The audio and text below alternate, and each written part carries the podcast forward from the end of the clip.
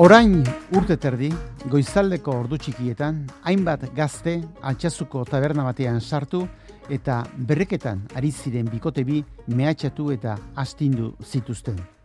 Erasotuak guardia zibilak ziren, euren andregaiekin eta erasotzaileak berriz herriko semealabak. Erasoa terrorismotzat jota, kasua Madrilu entzutegi nazionalera pasatu zen. Atzo, hasi zen hauzia, non epaituak izango diren sortzi gazte, zeinetatik hiru bidekabeki kartzelan egon diren azken urte terdi honetan. Batez beste, fiskaliak iroi eta bi eta mabi urte bitarteko kartzela zigorra eskatzen die. Gazteon gurazuek ozenki adirazi dute, euren semealabak ez direla terroristak eta defentsak eskatu du justizia eta proportzionaltasuna.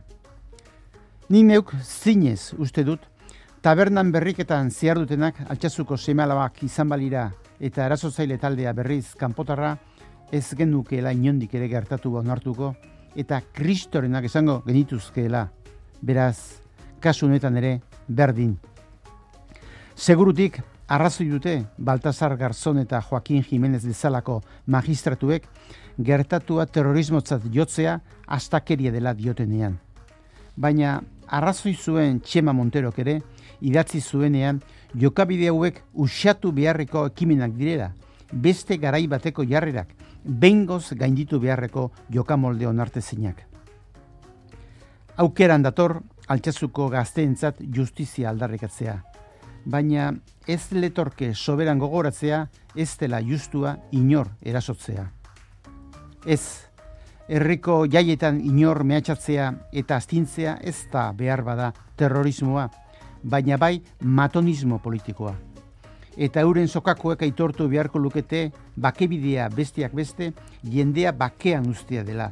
Lagunak izan, ala ez izan, iritzi berekoak izan, ala ez, gustatu, ala ez. Ez zait, iruditzen, altxazuko gazte horiek berrogeitaka urteko kartzela zigorra merezi dutenik. Ez berrogei, ez zogei, ez amar, ez da urte bete ere. Zorioneko proportzionaltasunaren bila, nik pare bat hilabetez sartuko nituzke. Baina ez kartzelan, guardia zibilen kuarteletan baizik.